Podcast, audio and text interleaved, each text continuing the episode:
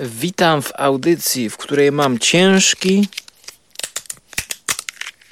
orzech do zgryzienia. Chociaż jest on już rozbity. Taki orzech włoski. I właśnie zaraz sprawdzimy, czy jest ciężki. No, mięciutki. Słodki. Całkiem niezły. Hm. Zapewne zastanawiacie się, jak teraz odczytać ten wstęp. Cóż to za metafora? Zapewne będzie omawiał książkę, która jest ciężka do zgryzienia, ale jak się ją już przeczyta, to okazuje się być prosta i zrozumiała, nawet przyjemna. Otóż ten wstęp nie ma żadnego związku z książką omawianą dzisiaj, czyli Jamesa Herberta pod tytułem Ciemność.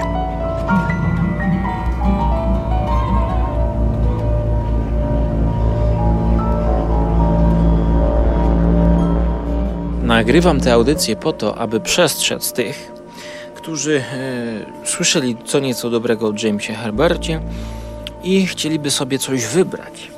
Książki tego autora kupuję po 4 zł w pewnym antykwariacie i akurat Ciemność, The Dark, kupiłem aż w dwóch egzemplarzach. Jeden za 4 zł z wydawnictwa Amber, to jest 80 rok, książka napisana, a w Polsce w 92 wydana. I ostatnimi czasy książnica wydaje książki Herberta. Na razie wydała trzy książki. E, Nawiedzonego, Mgłę i Ciemność właśnie. A to pomyślałem, że te wszystkie trzy książki są dobre. Skoro oni je wznawiają, to pewnie przeczytali jeszcze raz i to są trzy z najlepszych książek Herberta. Nawiedzonego przeczytałem. Jest bardzo dobry. Mgłę polecał sam King.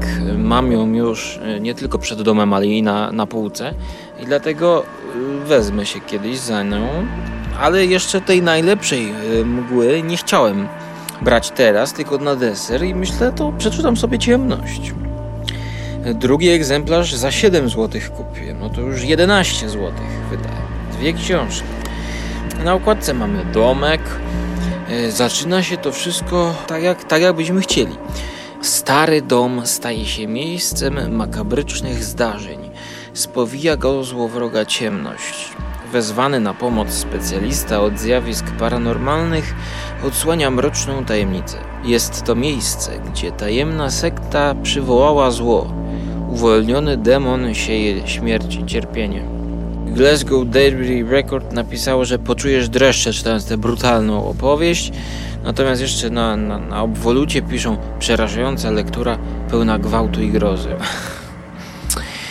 Ale, ale poważniej teraz. Zaczyna się to opowieść e, troszkę jak Czerwona Róża Stephena Kinga, czyli od wykładu takiego profesorskiego, e, głównego bohatera, znawcy na jakimś uniwersytecie. Jest to Bishop, Bishop to nie jest Bishop z Monty Pythona. Tam był taki sketch, że Bishop chodził po ulicach i siał spustoszenie. Bishop jest pogromcą duchów, ale takim bardzo sceptycznym pogrom, sceptykiem. On zanim coś uzna, że to były duchy, to sprawdzi tam aparaturą pięć razy. Coś jak w filmie Insidious. Tutaj dostaje facet zgłoszenie po wykładzie, pewna niewiasta do niego podchodzi i prosi go o pomoc. Wszystko dzieje się w Anglii, no bo to jest Anglika książka, więc na początku jest klimat i przestrzegam was, bo ta książka jest fajna przez pierwsze, no nie wiem, 150-200 stron nawet powiedzmy, a jest długa, bo to prawie 400 stron.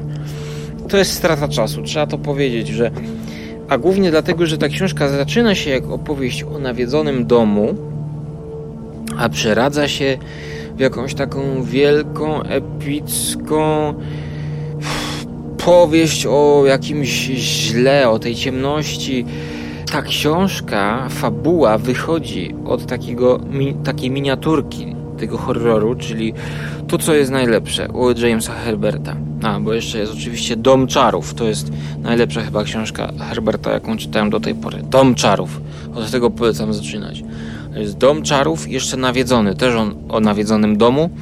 Y, książkę o nawiedzonym już omówiłem i lepiej przeczytać właśnie albo nawiedzonego, albo Dom Czarów. No Dom Czarów jest doskonały.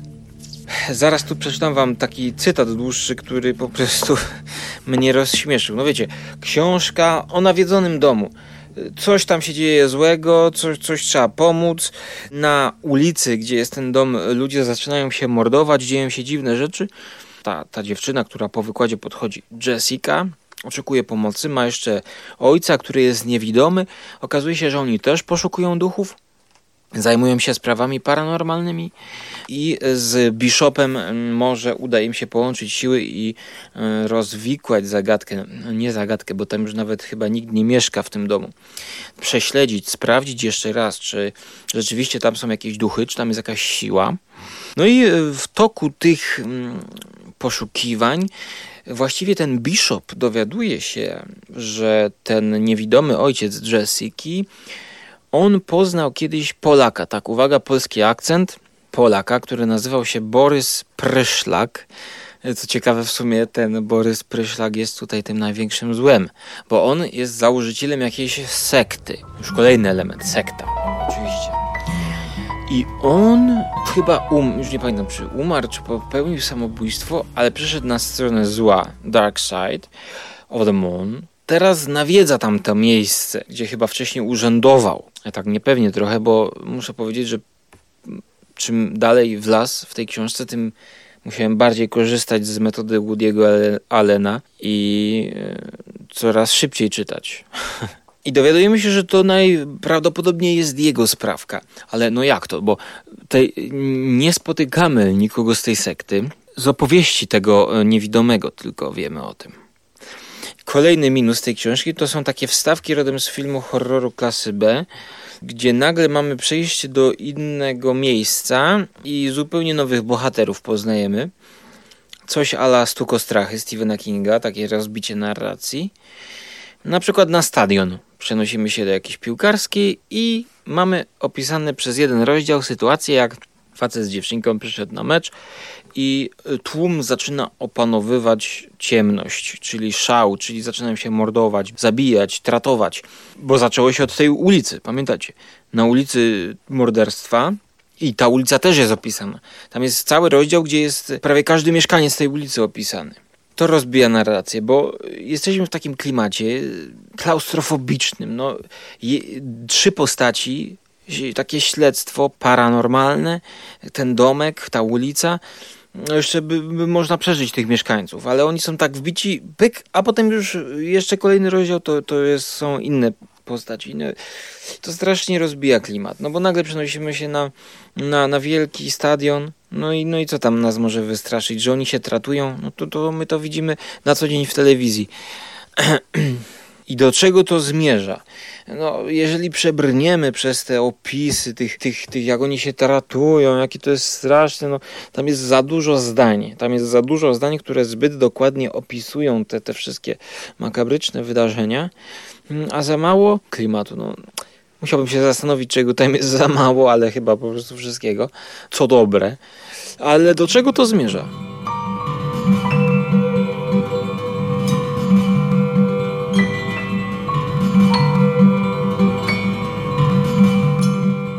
Początku wiemy, że jest no to, to, to ciemność. To, co z tyłu ktoś napisał, że uwolniony demon sieje śmierć, cierpienie, to nie wiem o co chodzi. To chyba pomylili książki. No może ta ciemność jest takim demonem, bo ona opanowuje właśnie ludzkie umysły i prowadzi do tego, że zachowują się strasznie, strasznie. To, to makabra totalna się dzieje. No i wpadają na pomysł, żeby ją jakoś powstrzymać. No tam są nawet pomysły, żeby rozwalić ten dom, tą chałupę, no ale przecież duch pryszlaka, Polaka no przecież nie zniknie.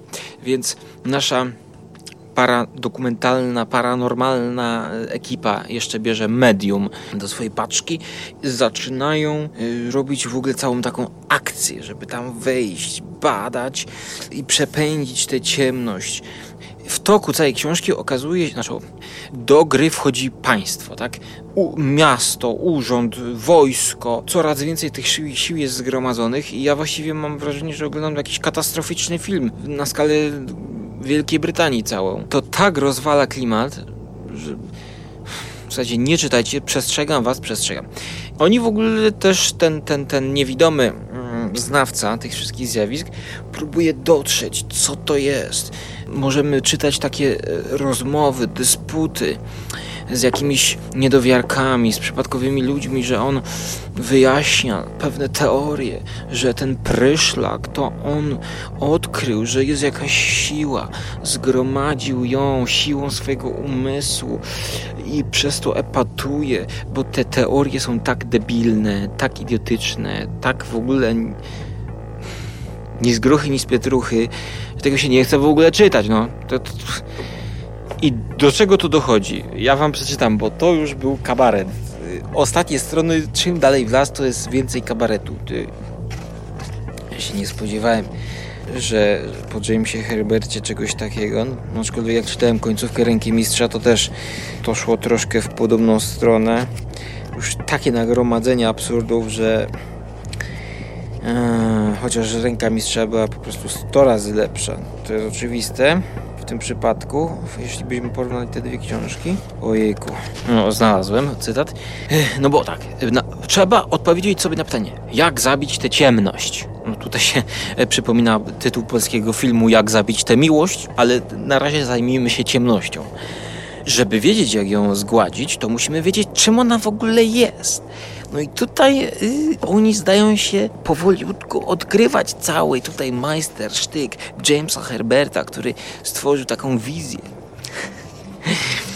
Teraz będzie długi cytat.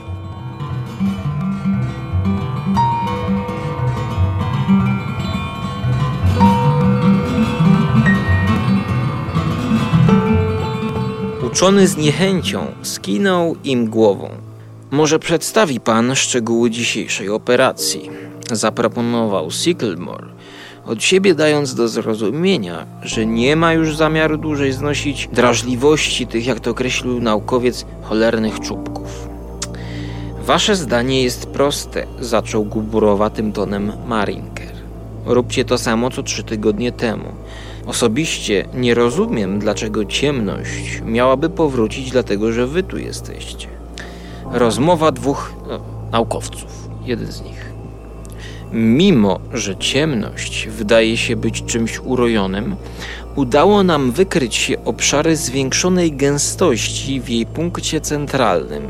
Coś w rodzaju jądra. To będzie długi cytat i ja y, będę się być może śmiał. A lecimy, lecimy. Jedziemy. Coś w rodzaju jądra.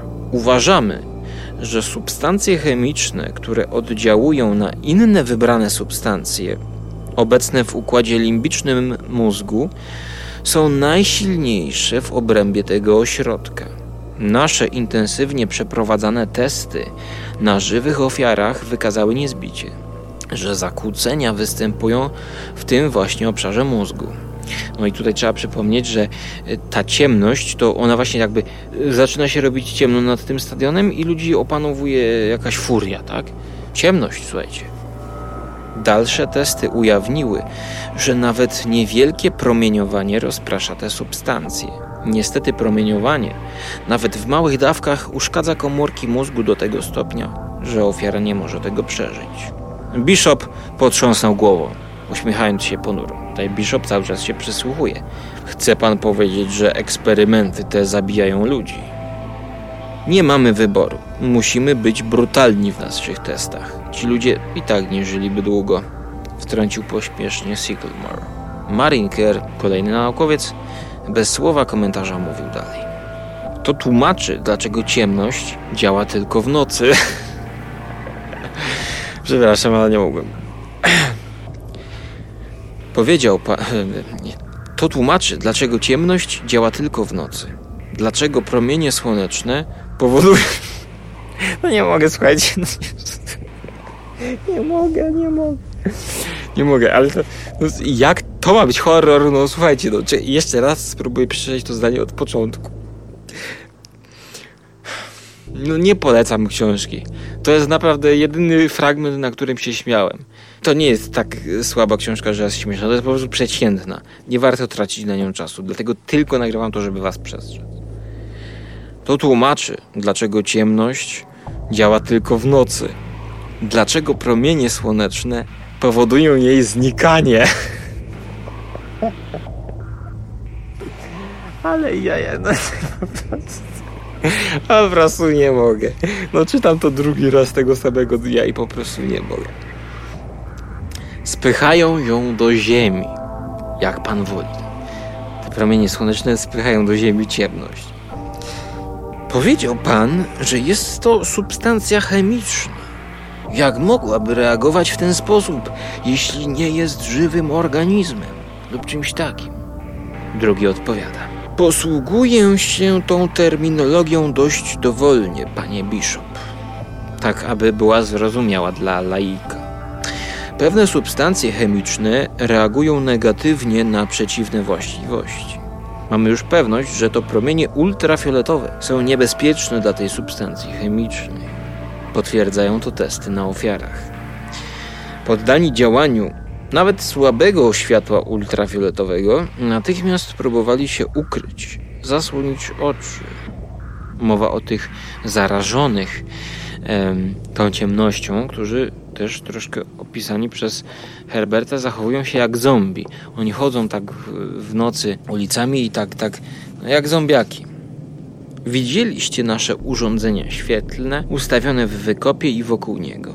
Na nieszczęście fale ultrafioletowe szybko znikają, ale te maszyny zostały specjalnie przez nas skonstruowane i posiadają ogromną moc. Dzięki nim cały teren będzie całkowicie nasycony ultrafioletem. Poza tym na helikopterach zamontowano podobne, mniejsze światła, które zostaną skierowane na Ziemię. Grawitacja wydłuży długość fal, więc helikoptery mogą latać na znacznej wysokości i będą bezpieczne. Oczywiście promienie gamma lub promienie rentgenowskie działałyby bardziej skutecznie, ale stanowiłyby ogromne zagrożenie nawet dla osób przebywających w najbliższym otoczeniu. No to może lasery? Nie na taki teren. Przenikną, ale nie nasycą. Ale zbyt duże napromieniowanie ultrafioletem też jest dla nas niebezpieczne. Wy będziecie zabezpieczeni, a my wejdziemy do baraku. Ci na zewnątrz założą rękawice, kaptury i staną za specjalnymi tarczami. Ich codzienne ubrania będą stanowiły dodatkową ochronę. No a jak my będziemy zabezpieczeni? Włożycie specjalne kombinezony i przyciemnione osłony. Ja tutaj jeszcze bym proponował przeciwsłoneczne okulary. Może też by pomogły. A jeśli nic się nie wydarzy? Jeśli nie przyciągniemy ciemności? Będę szczery, Bishop. Wcale się tego po was nie spodziewam. Uważam, że to, co zdarzyło się trzy tygodnie temu, było dziełem przypadku. Fakt, że w każdej nocy przyciąga ofiary, wskazuje niezbicie, iż znajduje się to ogromne źródło energii. Nie mamy pojęcia, czym to jest. Nie udało nam się go także zlokalizować, ale wiemy, że tu jest. Mamy pewność, że to, co wszyscy nazywają ciemnością, powróci do tego źródła. To tylko kwestia czasu. Którego nie mamy, warknął Siegel. Sprawa wygląda następująco, panie Miszu. Wasza obecność nie przeszkodzi w prowadzeniu operacji.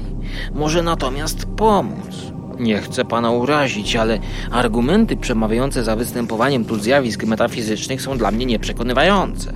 W tym jednak przypadku jestem gotów spróbować wszystkiego, co daje szansę powodzenia. Mam nawet zamiar. Sycamore popatrzył na doradcę naukowego.